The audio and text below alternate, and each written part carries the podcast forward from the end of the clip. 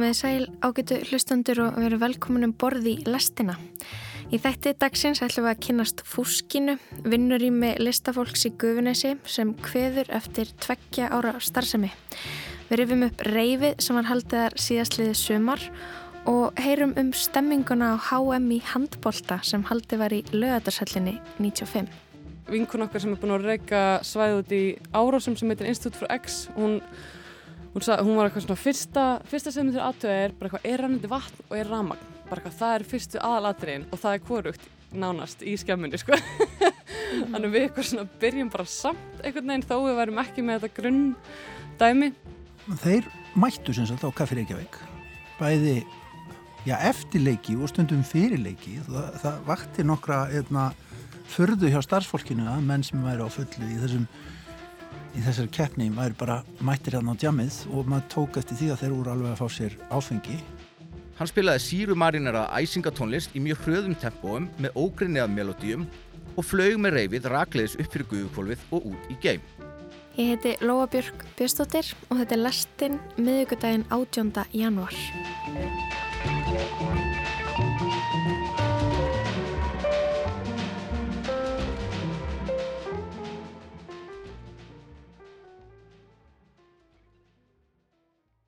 Fúskið svo kallaða er verkefnarími vinnustofa og aðsetur listamanna í Guðvinnesi. Rímið er rekið af listamannum í húsnæði sem Reykjavíkuborg útveðaði í verkefninu Skapandi borg sem fórstaði COVID. Á dögunum byrtist tilkynning þess efnis að fúskið hefðist leggja árar í bát, allavega í byli, allavega í núverandi mynd eftir tveggja ára starfsemi sem hefur vakið mikla aðtegli.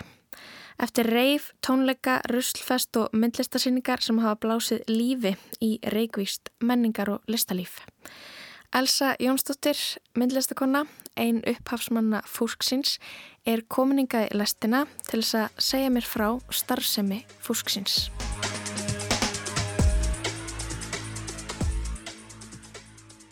Verður velkomin Elsa.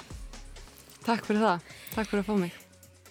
Hvað getur þú sagt mér um þess að 1200 fermetra fókaldu ruslageimslu sem ykkur tókst að breyta í, í menningar og listarými. Hvernig hófst þetta?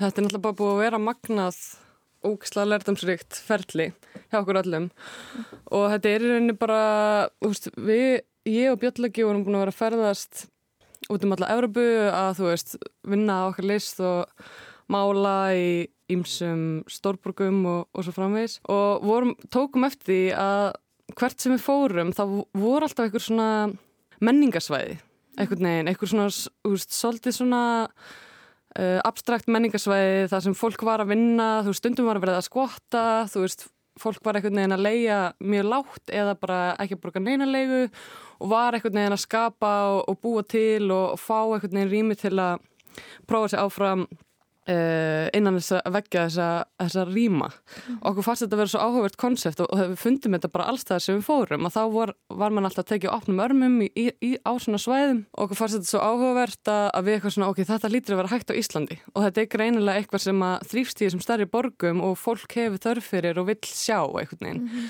og er eitthvað mikilvægur partur af bara menningar uppbyggingu að það sé eitthvað svona tilröna rými eða það sem fólk getur komið og prófa sér áfram Að eitthvað svona hrátt, ódýrlega og, og það verður eitthvað svona, myndast næst í svona eitthvað svona hverfastemming. Já, í rauninni. Það er ótrúlega fyndið eins og í Hamburg, þar er þetta bara eitthvað í bara hliðina og sko höfustöðum Google er bara eitthvað reytur sem var bara byrjað sem skott, eitthvað 13, eitthvað 13 hús, svona þyrping og hérna svo bara byrjaði alls konar starfsemi þar og alls konar kaffhús, það er svona pay what you can kaffihús og svona, þú veist, hjólaviðgerðir og það er verið að gera bílaðna og alls konar dót, sko.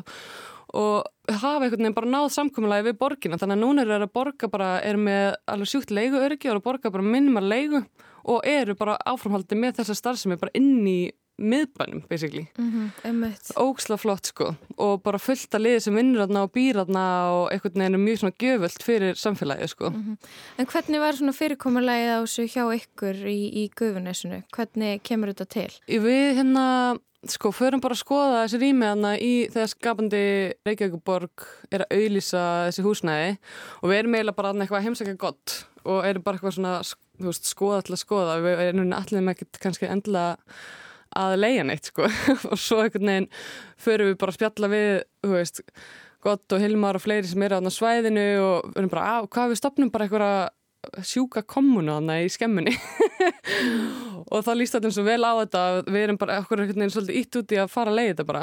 Og við ákveðum bara að slá til og, og sjá bara hvað við getum gert. Þó að í rauninni húsnæðið sé bara nánast veggir sko. þú veist, það er veist, við vinkun okkar sem er búin að reyka svæðið út í árásum sem heitir Institute for X hún Hún, sa, hún var eitthvað svona fyrsta, fyrsta sem þér aðtöða er bara eitthvað er rannandi vatn og er ramagn bara eitthvað það er fyrstu aðalatriðin og það er korugt nánast í skemminu sko. mm. þannig við eitthvað svona byrjum bara samt einhvern veginn þó við værum ekki með þetta grunndæmi um, og í rauninu mótileg er það að þú veist fólk að vinna í í einhvers konar gáma stúdjóum eða svona litlum stúdjóeiningum og sé bara með þá sitt svæði og inn á stóra svæðinu það sem er og svo er eitthvað samkominsvæði og svo, þú veist, alltaf planið að koma upp öllum þessum grunnstóðum einhvern veginn með tíu tíma sko. Mm -hmm, Já, það eru náttúrulega fleiri um, fleiri skapandi rými ef maður getur sagt það í guðvinni mm -hmm. það er gottur með stúdjó mm -hmm. það er stúdjó kveikmyndavegar sem balti með, þannig að það er, er eitthvað svona pæling hjá borgin að þetta verði eitthvað svona þannig hverfi eða? Já, það var stefna sko, það er bara eitthvað að það var skapandi, hér í skapandi hverfi á heimsmæli hverða mm -hmm. eru þú veist bara eitthvað takleinin sem við byrja með sko mm. og bara dæla inn fullt af listamennum fyrir tveim árum í rauninni og bara, þú veist, það eru held ég að voru allavega fjögur nefn, fimm hús sem var hérna, var verið að leia út til að byrja með, til listamanna en svo einhvern veginn svona, þú veist Einmitt, fólk að vinna þarna og það er samningurinn var sá að fólk fengi ódýra leigu en þurfti að gera allt sjálft, gera allt upp sjálft og, og þú veist, rýminu voru náttúrulega bara ónýtt mörg og þannig að fólk er búið að vera svona að leggja bara hvað líf og sál í þetta og pening náttúrulega auðvitað líka.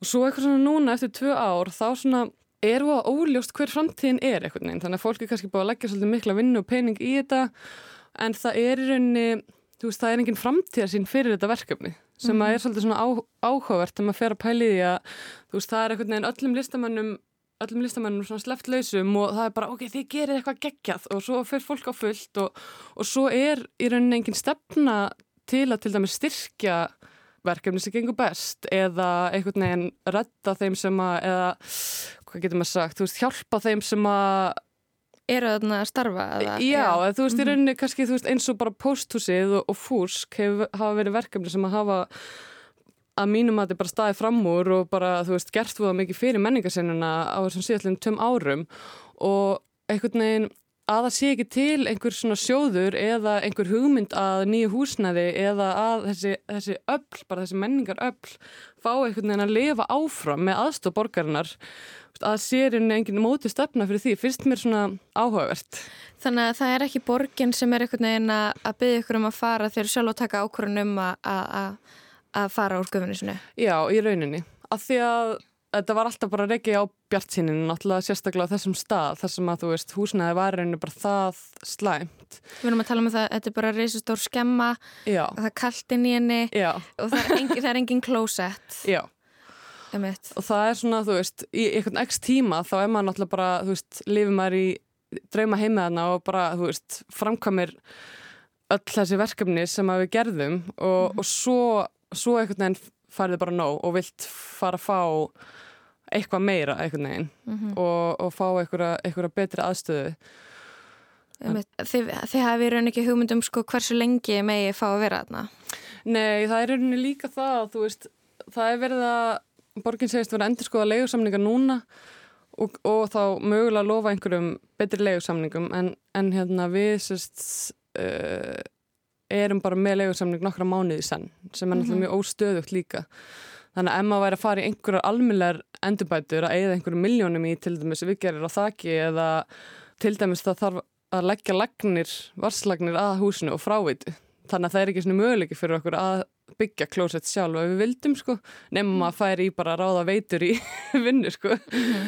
Að þá hérna... Um, það er engin framtíðasín í rauninni önnur frá borginni fyrir þetta svæði fyrir ykkur? Nei, í rauninni ekki sko og mm þá svona maður, vill, maður er núna náttúrulega, það er verið að skoða núna hérna listhúsið það sem eru alveg nokkur stúdjó, veist, slökkustöðin og, og, og Narvi og Adrian og Slowblow hljóðstúdjó og fleiri einhvern veginn er að vinna og, og við vorum að heyra það núna síðast að það væru tillögur í gangi og, og borgin væri að leita að aðila til þess að uh, sérst sjá um rýmið eða kaupa það og, og sjá um það samt sem listhús en mm -hmm.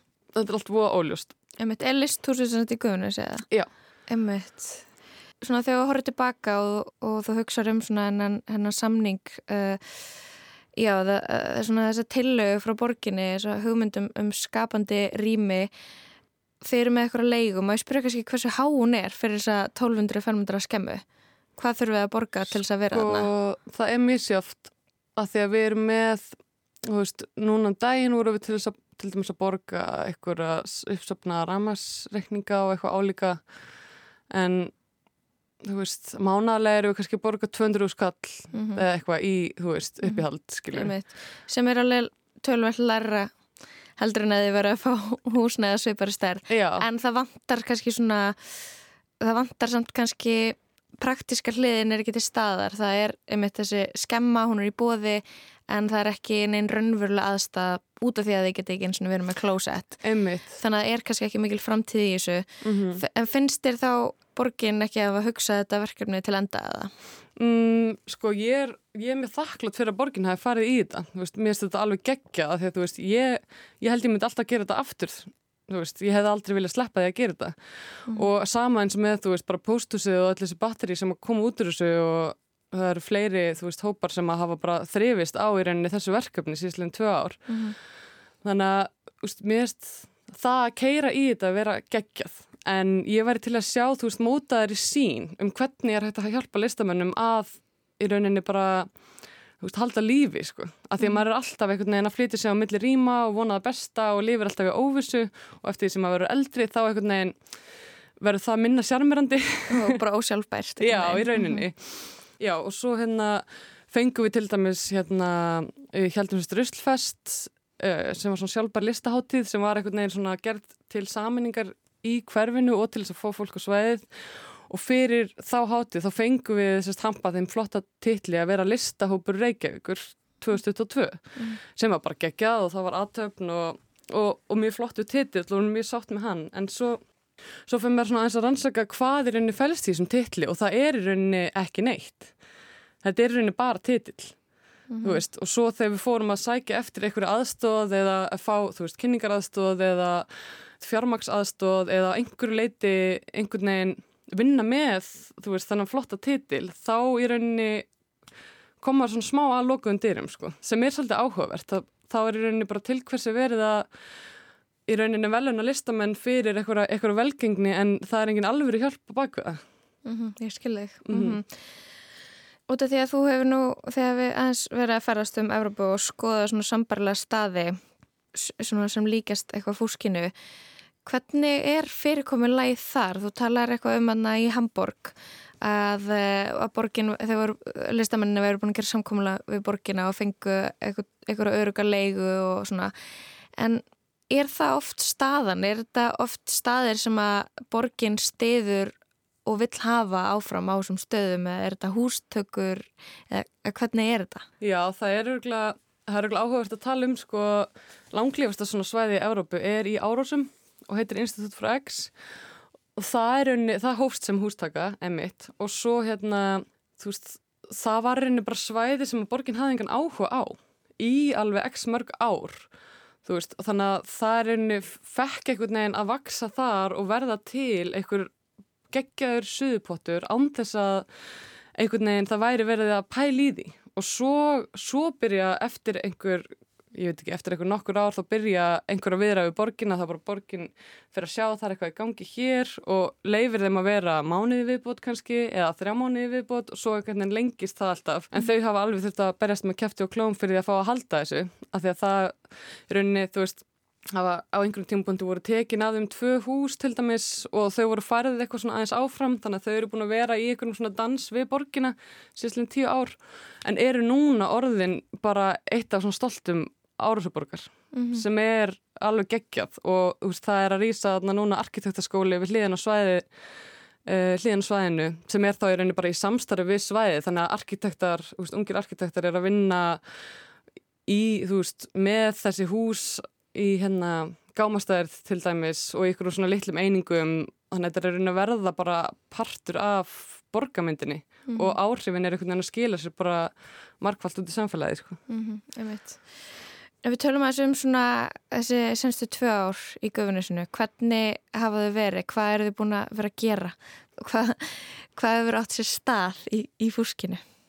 Það er bara ótilandi verkefni sko en þú veist við hefum verið bara við hefum sjálf verið að halda veist, listasýningar og veist, partí og tónleika og við heldum þorrablótaðna erum með korstarf alla sunnudaga, alls konar eitthvað svona skemmtilegt og, og svo er fólk búið að vera að koma inn með alls konar mismandi verkefni. Það er mikið búið að vera svona kvikmynda og ljósmyndaverkefni sem er að koma þá inn bara í einhvern x tíma veist, setja upp eitthvað svaka leikmynd og, og taka upp og svo, svo taka það allt niður og, og færa sig í rauninni. Mm -hmm. En þeir eru búin að vera með tónleika og reif. Já.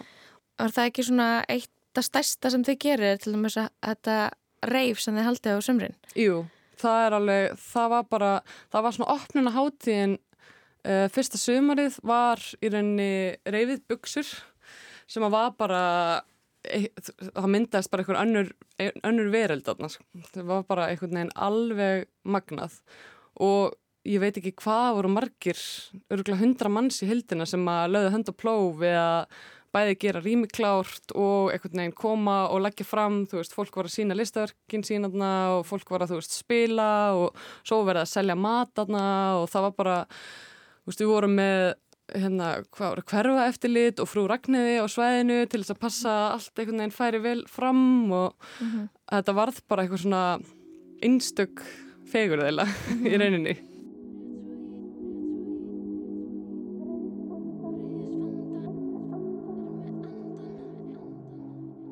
Elsa, hver eru næstu skref hjá fúskinu?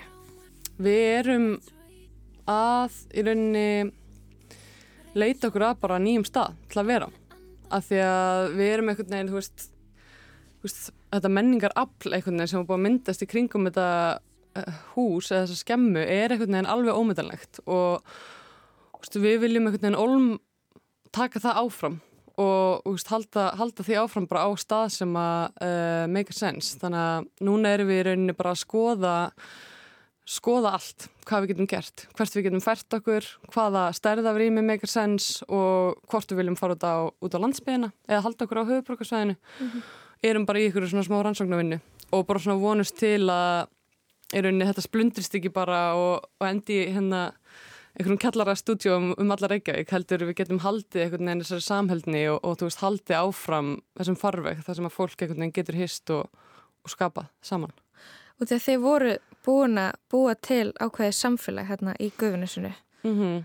Og það er svo sterkasti partur nýjus það er, það er ástæðan fyrir að maður einhvern veginn ílengdist líka og bara kerði sér alveg, þú veist, á 110 allan tíman skilur að því að það er svo mikið af fallegu fólki með fallegu verkefni og alls konar hugssjónir sem kom einhvern veginn og bara veist, gaf þessu líf og, og hjælt þessu gangandi og gammani orku einhvern veginn til að bara halda áfram. Mm -hmm.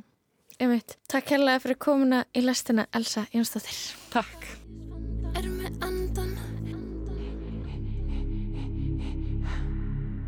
Ég er með tráma Litt sem er ámar Rétt svo í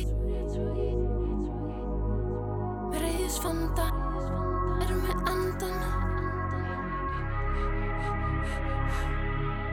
Fyrir gefin ég get ekki gleynd Fyrir geð það er orðið og sein Ég fyrir gef ekki nætt Fyrir gefin ég get ekki gleynd Fyrir geð það er orðið og sein Ég fyrir gef ekki nætt Fyrir gefin ég get ekki gleynd Fyrir geð það er orðið og sein Ég fyrir gef ekki nætt Fyrir gefin ég get ekki gleynd fyrir geð það er orðið og seint ég fyrir geð ekki nætt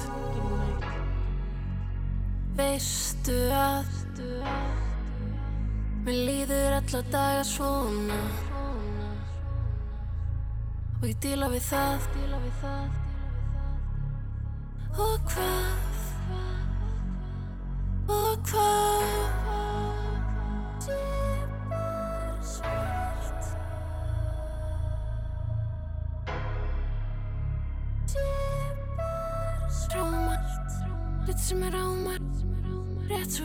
rétt svo í með reyðisfanda er með andan Læð allt með hljómsutinni Russian Girls og Banger Boy Martini Hjartasinni Við rættum þarna við Elsu Jónsdóttur um fúskið vinnur í með listamann á viðburðarými í Guðunessi og við ætlum að því tilöfni að minnast fúsksins sem senn yfirgefur Guðunessið og rifja upp pistil Davís Róts sem að fluttur var í tengivagnunum síðastliði sömars. Í júli byrjun í fyrra var rifið buksur haldið í annað sinn í fúskinu. Daví Róts segi frá.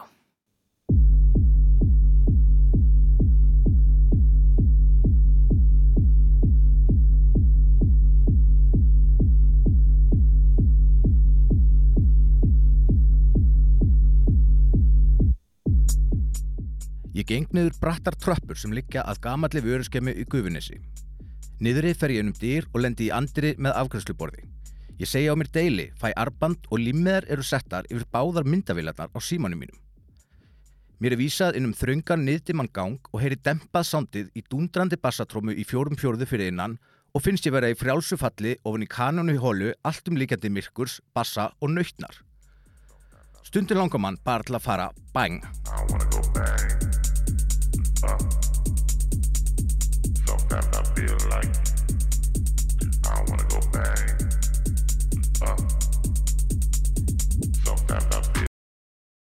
Einhvern veginn svona hóst ferðalag mitt lögataskvöldið annan júli á einn áhugaverðasta og dansgeggjaðasta menningarverfið ársins sem bar hinn hugulega og hóvara titil Bugsur. Bugsurnar sóttu cirka 700 manns og þær ættu með réttu skilið tilnefningu til íslensku tónlistafælununa sem viðburður ársins. En raunveruleikin er hins vegar sá að það hefur ekki einu sinni verið neitt minnst á buksur í einum einasta fjölmiðli fram að þessu, hvorki í ár nýja í fyrra þegar buksur voru haldnar fyrst. Það er einhverju leiti skiljanlegt. Menningin, tónlistin og stemningin sem buksur klæði sig í er í eðlisínu neðanjarðar. Skipilegendur sækjast ekki eftir aðtegli og viðurkenningu meginstunns fjölmila eða ríkistyrtra menningarapparata eins og þessu sem ég tala í núna. Þeir kröfðust þess við ingangin að fá að klína limmiðum yfir linsunar á símanuðunum svo var ekki hægt að taka neina myndir í partíinu og það þess vegna ósynlegt á öllum samfélagsmiðlum. Fóru buksur þá í raun og veru fram? Fjall treði í skójunum eða ég var ekki postaði í stóri? Svarið er öskrandi já með helling af upprópunamerkjum. Við vorum þar, við vorum til, filterslaus, svitnandi og dansandi, beljandi mannhaf á valdi taktsins, tignandi við alltari myrkursins. Og trén sem að fjallu framkölluðu bassadrunur sem nötruði í hjörtum og svörtum sálum þar sem dansinn var eina lokalausnin í auksin. En nú er ég komin aðeins fram með mér. Spólum aðeins tilbaka.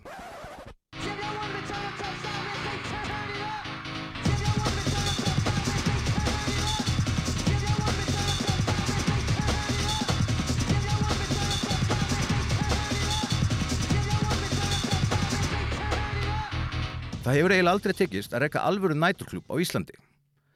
Það næsta sem að komst í var kannski Kaffi Tomsen á stuttu tímabili í kringum aldamótin. Bugsur geta rakið rætu sínar til Breitland síðan nýjunda áratörins þegar Asethás-stefnan reyðum héruð, klúpa og reyðveslna og allsalan var það eldsnætti í kraftmikilli dansmenningarbyltingu. Ráftónlistinn sprakk svo ennfrekar út í byrjun tíunda áratörins þegar reyðkúltúrin breyttist út á augna hraða um Evrópu og Bandaríkinn og náðu meira sér að smitast yfir nokkur yðnaðarhúsnaði í Kópavogi, eftir því sem ég er sagt.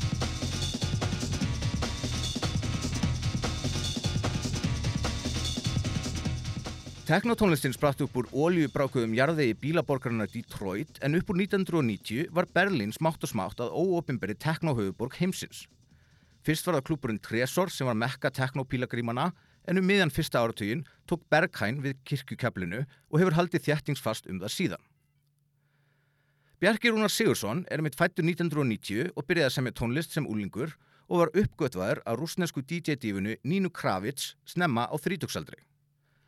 Hann gátt sína fyrstu tóltómu á vögum tripp útgöfu Nínu sumari 2015 en á henni var lægið sem hann er ennþá þekktastu fyrir granítærði teknoslagurinn I Wanna Go Bang sem ég spilaði í upphafi Pistils.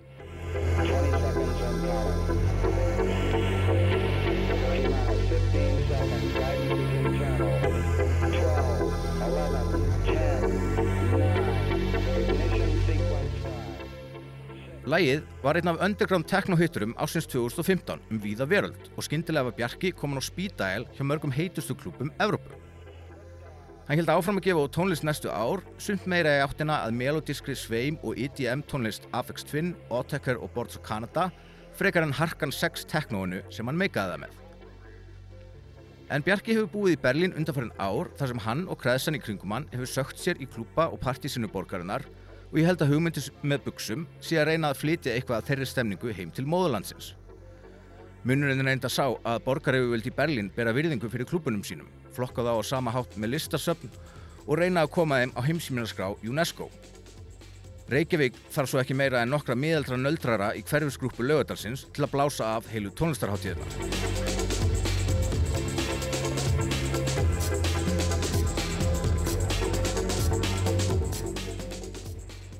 En höldu nú áfram þessu fráar horfið. Ég endur fættist út um þraungu gungunum sem ég myndist á í upphafi inn í mögdima ævintýraveröld. Útópist, taktfast undraland af ljósum, list og dansi. Þar sem sjóræningafáni hjakk úr loftinu og blakti í vindvílinni. Mér leið eins langt frá grámiklugum íslensku veruleika og hægt var að komast. Þetta var snemma kvölds og ekki margir mættir en galdratnir voru strax farnir að hafa áhrif og ég sveif í leiðslu yfir danskólfið. Það verður ekki hjá því komis að kasta rísastóru hrósi á Óla Ófur sem hann hefði hljóð og ljósakjörfi skemmunar sem var á alltur um skala en maður á að venjast á íslenskum viðbyrðum. Tónlistinni var steinsteipu hart yðnaðar tekno sem fannst fyrir innvortis og það var ómögulegt að dansa ekki.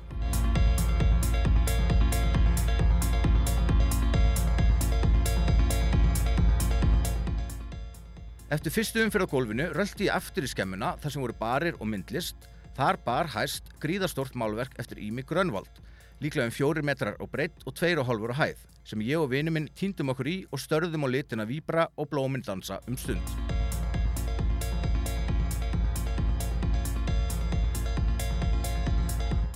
Fyrir utan skemmuna voru grasballar sem mynduðu skjól og hægt var að leggjast í, stígar, bekkir, varðaldastæði og stórbrótið útsinni yfir faksaflóan. Sólinn var farin að krafsa í haflutin og ég starfiði beint inn í hana meðan ég lappaði út eftir eldgamalli bryggju þar sem lífulegt samfélag veiðimanna held sitt eigið parti og dróð sér björg í bú. Þetta var bara allt svo lekandi fallegt og ofsalega mikið. Meira sé að lúpinan gladdi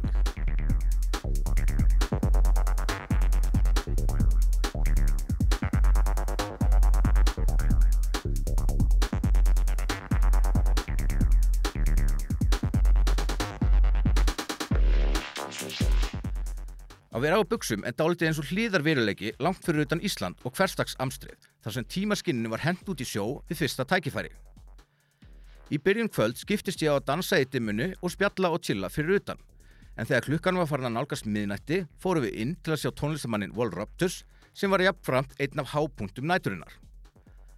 Hann spilaði síru marinera æsingatónlist í mjög hröðum tempóum með ógrinni af melodíum og flög með reyfið rakleiðis upp fyrir guðukvolvið og út í geim. Síðastir á svið voru svo æðsti presturum Bjarki með teknodjáknan Árna Skjang sér við hlið. Það var eilitil kunst og rótpása áður en það demdu sér í fyrsta lægið sem allir eipiðu yfir um leið og það lendi.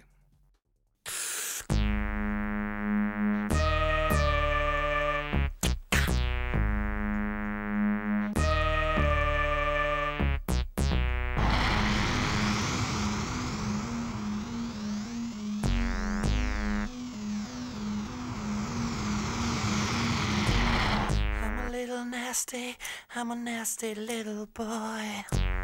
I'm a little nasty, I'm a nasty little boy. I'm a little useless, I'm a useless little toy.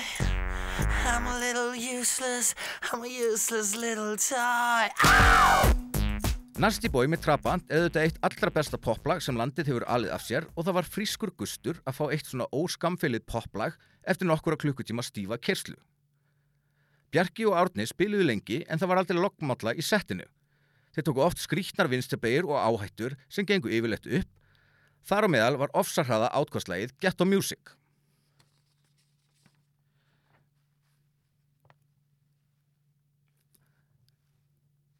Þegar þarna við komum við sögu var skemman orðin drekk hlaðinn dansandi líkumum í leiðslu ástandi.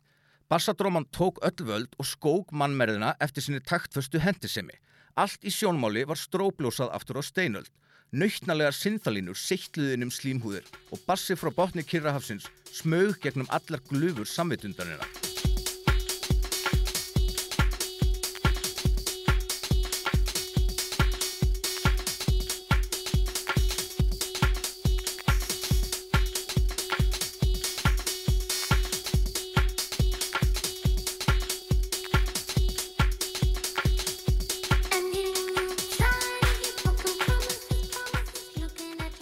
Verður ekki neita að það var eitthvað að fólki þarna og öðrum og jafnvel hressari vímuöfnum en áfengi.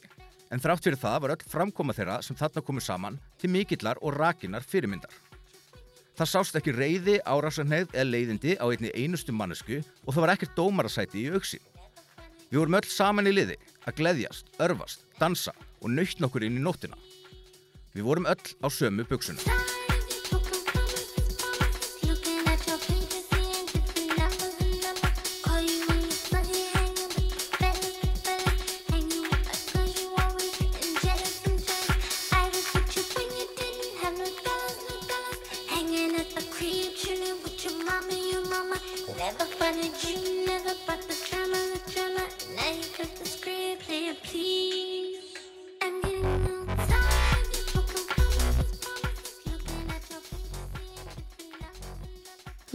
Looking at Your Pager, KH, Kieran Hepton, einnig þekktu sem Fortet. Daví Róts saði frá reyfinu Bugsur í Guðunessi, haldið í fúskinu síðastliðið sumar. En þau í fúskinu hafa líst því yfir að þau ætla að færa starfsemi sína úr Guðunesinu eftir tveggja ára starfsemi. Við herum þannig pistil fyrst í tengivagninum síðastliðið sumar. En nú þegar leikur Íslands við grænhöfðaæjar er í fullum gangi ætlum við að nýta tækifærið og rifja upp örseríuna þegar Ísland held stórmót. Þau Anna Marci og Kristján Guðansson rifjuð upp HM í handbolta árið 1995 sem að haldi var í lögatarsöllinni í fjögra þátt að örserju sem var flutt í lastinni árið 2020. Í síðustu viku heyrðum við fyrsta þátt þar sem farið var yfir aðdraðanda mótsins en nú fáðu að heyra þátt tvö þegar þau skoðu umgjörðina og 90's stemminguna í kringum mótið. Davíð Ottsson og Bó koma við sögu en líka handbóltamenn sem fá sér einn drikk fyrir leik. Komið sæl og velkomin á einn verkasta viðburð í íslenskri íþróttasögu 14. heimsmeistaramótið í Hafnarleik. En stemmingin er ótrúlega hérna í lögadagsveldinu. Já, ég er svolítið að tralla. Men vi bara býða eftir að fá að byrja. Jag tar det inte så Ég held að þetta sé nú bara sæmlega frjálslegt með að vera heimsmeistarkeppni. Mér kannski persónulega gett ákveldlega en liðum ekki. Det var ett, ett namn här på Island, Taxi. Veit að ég liði getur meira. Og íslenska liði keirir hér. Sjáu þetta, sjáu þetta. Sjáu þetta, sjáu þetta. Sjáu þetta, sjáu þetta. Ok Kristján, í gær spjöldluðu við, við þá Jón Hjaltalín Magnússon og Hákon Gunnarsson um aðdraðanda heimsmeistaramótsins í handknattleik 1995 þegar Ísland hjælt í fyrsta skipti stórmót. Já, það gekk á ímsu og tímabili leit út fyrir að mótið yrði jáfnvel bara ekkert haldið á Íslandi. Að lokum hafðist þetta reyndar allt saman og maður getur ímyndið sér að margir hafi handað léttar þegar mótið var loksins sett í Laugadals höllinni. Við erum með mitt komin cirka þangað í sögunni, eða það ekki, að mótunni sjálfu.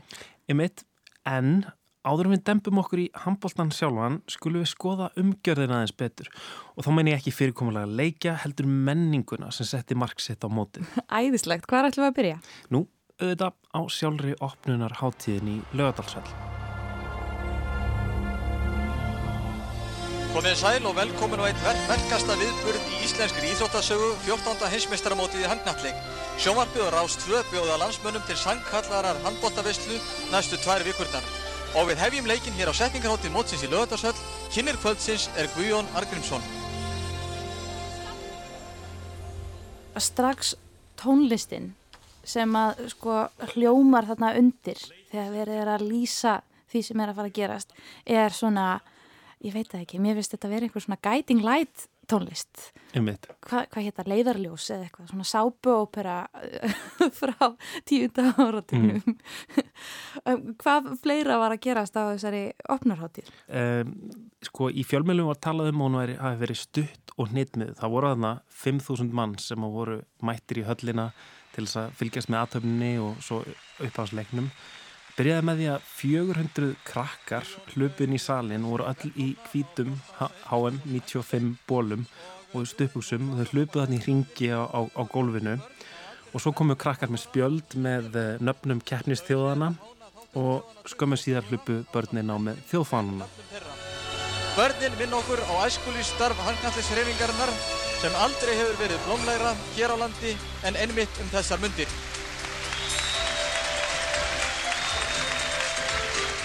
Svo var þarna 200 manna kór úr Kallakór Reykjavíkur og Kvennakór Reykjavíkur og Kammerkór Langholtskirkju og sungu eitt lag og um, svo á sama tíma gengu ungmenni með svona upplista handbolta inn á völlin, Vá. ljósbolta.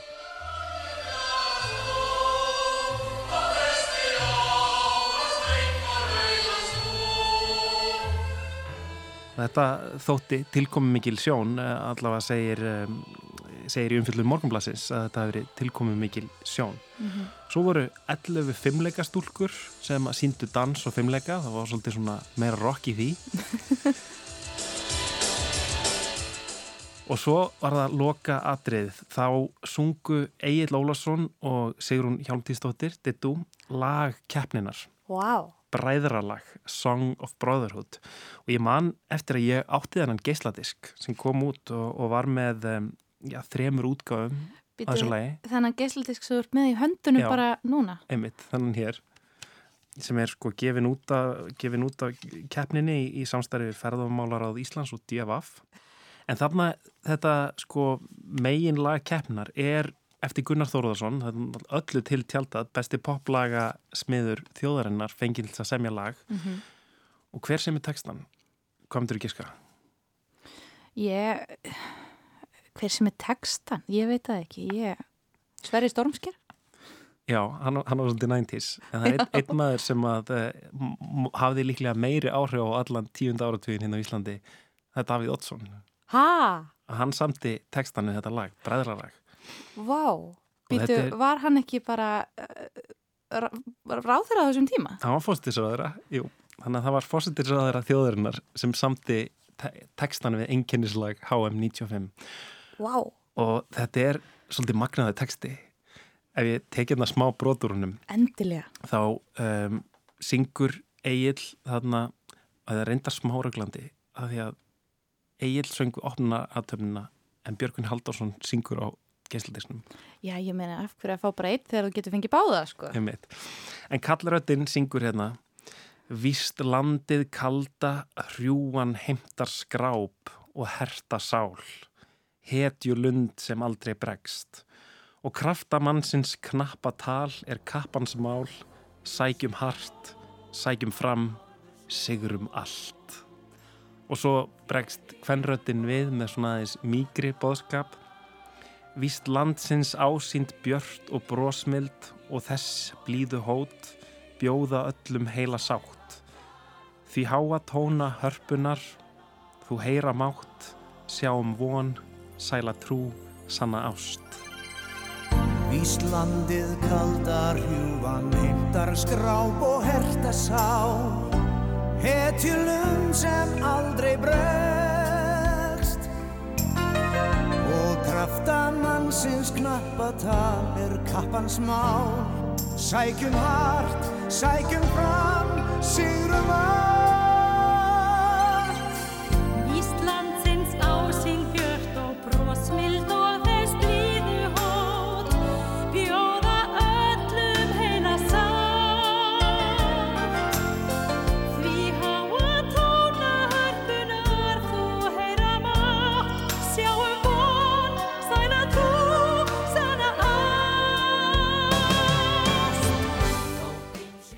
Nó. Þannig að þetta er svona um, þjóðurnis romantík í bland við uh, svona keppnis tónlist einhverja. Já, það er ekki mikið titrandi smáblóm í þessu. Nei, svona með að við um eitt.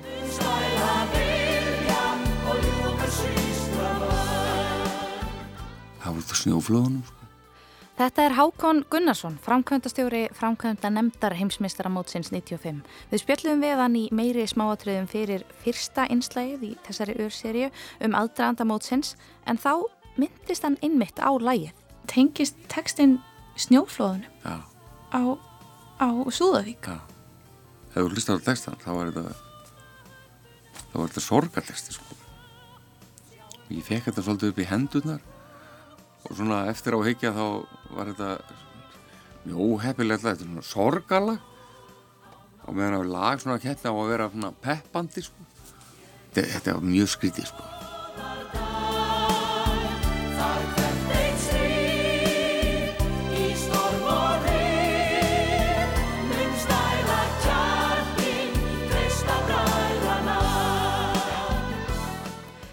Eina blaðagreinin sem ég fann um lægið er úr helgarpóstinum í februar 1995 og segir frá því að Dittu og Bjöggi Halldór sé að fara að taka upp lægið með Gunna Þórðars en greinahundur segir textahundin þó vera rúsínuna í pilsuendanum því það sé engin annar en hinn elskaði og dáði landsfaðir Davíð Ótsson. Tekið fram að þrátt fyrir ítrekkaðar tilraunir hafi ekki náðst í Davíð til að tjá sig um útrák hverju hann lægði en það er ljóst að þetta er kraftmikill og kjarngóður texti, segir greina höfundur undir svartkvítri mynd af Davíð með eitur söl pælott gleraugu. Þegar textin er skoðaður út frá snjóflóðinu sem fjall á Súðavík 16. janúar 1995 tekur lægið á sig svolítið aðra mynd, verður eiginlega óviðegandi fyrir tilefnið. Og tónlistarmymbandi þar sem Dittu og Bjöggi dilla sér eins og við einhvern trommuheila sem við hinn heyrum ekki skælbrosandi í perlunni undir grænum handbolta myndskeiðum það verður einhvern veginn lægið enn skrítnara Það var enda tekið fyrir í áramótskaupinu sama ár Þar gekk grínið aðalega út á slæmt gengi landsliðsins á mótinu það að áfengi hafi verið selt í lögardshöllinni og svo tilkostnaðin við mótið. Loka lína lagsens í áramótaskaupinu segir þannig hún var við skál, vor þjóðar sál, við sitjum eftir, timbruð, sljó og blöng.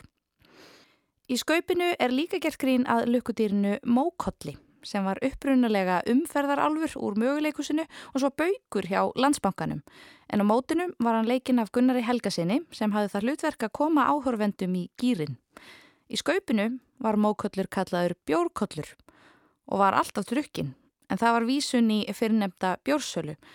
Það voru samt aðrar fígúrur sem vektu meiri aðtegli en mókollur fyrir drikkjuskap á mótinu. Hvernig á að gera þetta? Það er ekki bara að byrja að segja frá. Jú. Ertu búin að starta?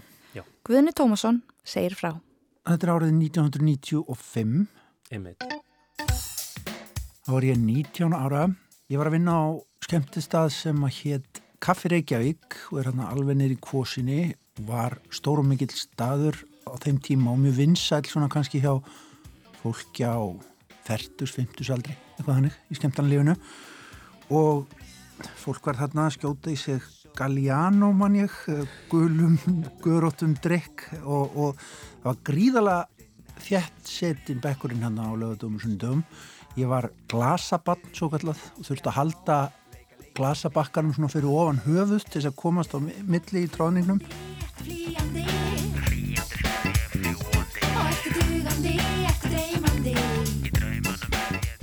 Svo tók maður eftir því á meðan að þetta hérna, mót var í gangi og þarna byrtust stjörnur úr franska landsliðinu. Ég fór nú ekki í höllina en ég hérna, horfði á leikin í sjónvarpinu og meðalans þetta stórkoslega franska lið með mönnum sem að voru svona stórskortnir margir með stór og mikil nef og, og andlit svona uh, sterka andlitstrætti þeir mættu sem sagt á Kaffi Reykjavík.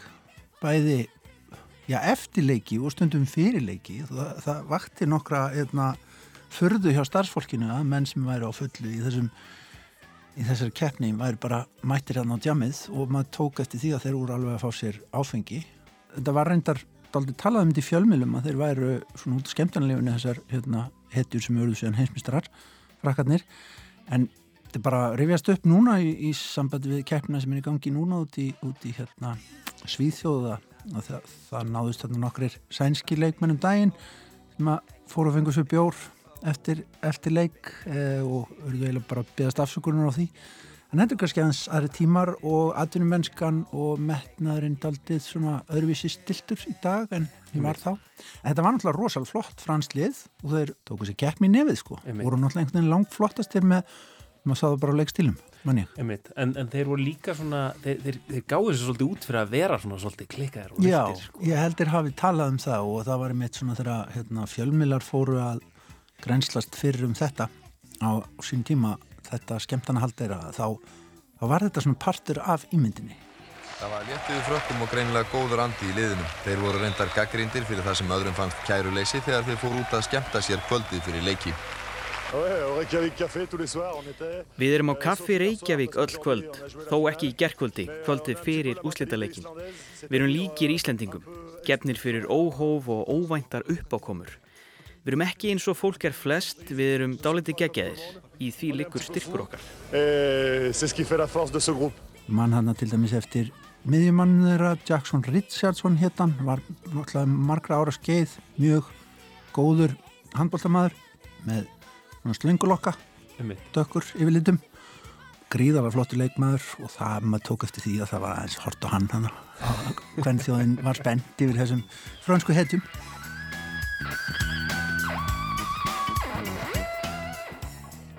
Þessi frakkar voru vel með á nótunum þó þau væri stundum druknir enda unnöður mótið og svo hittu þeir heilbreyðisráðara á meðan þeir voru hér til að ræða um alnæmisfaraldrin, ástina og uh, smokka nótkun. Le amour et le condom.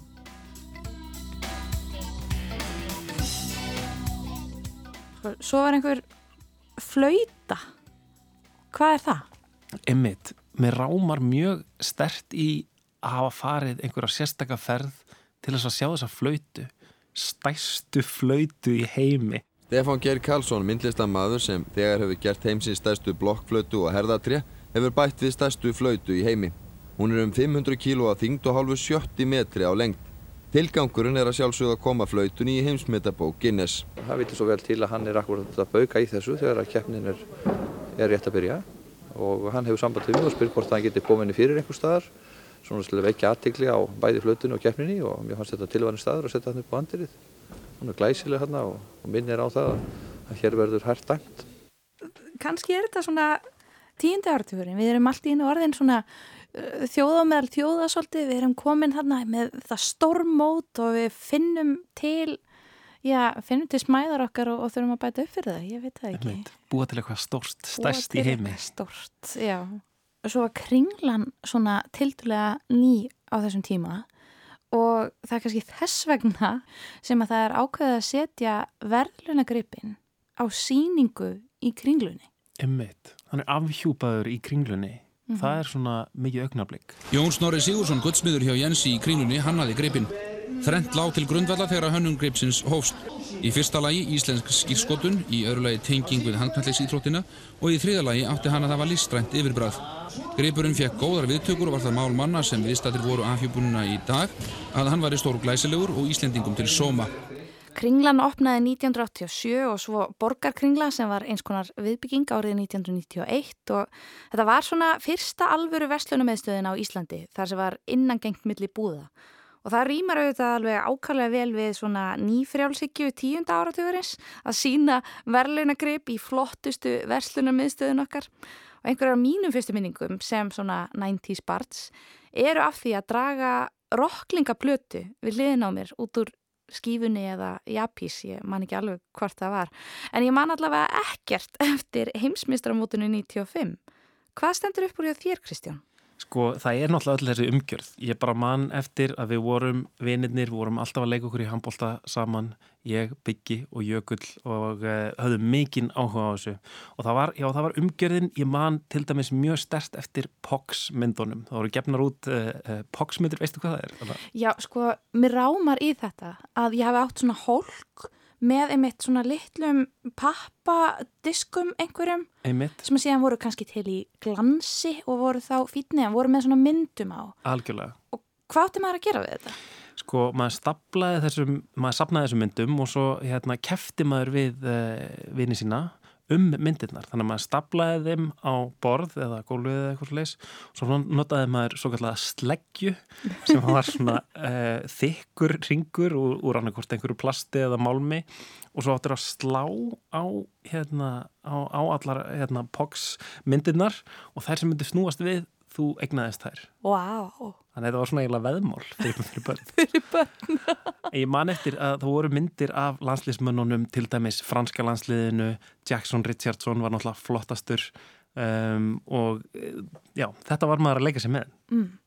Hogsmyndir af landslýsmönnum í handbólta. um eitt. En svo man maður auðvitað líka margt meira. Um, til dæmis logoið, merki keppnirinnar er náttúrulega frábær hönnun. Mhm. Um, það er eh, 95 ártalið er svona uh, klest saman og, og verður eiginlega eins og að handbóltamanni. Þetta er í bláu og, og svo hérna, er rauður haus þannig að þetta er eins og handbóltamaður uh, 95. Mjög flott sko. Ú, Og hérna- Heru, hvar hef ég séð þennan handbóltamann nýlega? Sko það náttúrulega voru það, náttúrulega þúsundir bóla og ímiskonar varning sem voru framleitir. Mhm. Þetta var með þess að málað ofan á laugadalsöllina. Já. Þannig að, þannig að eh, já sko, ef, ef flugvel flög yfir og tók myndir þá var þetta mjög flott. Um, en þetta hangir ennþá uppi á nokkrum stöðum, Mm. meðal annars í Íþróttahöllinu á Akureyri. Já.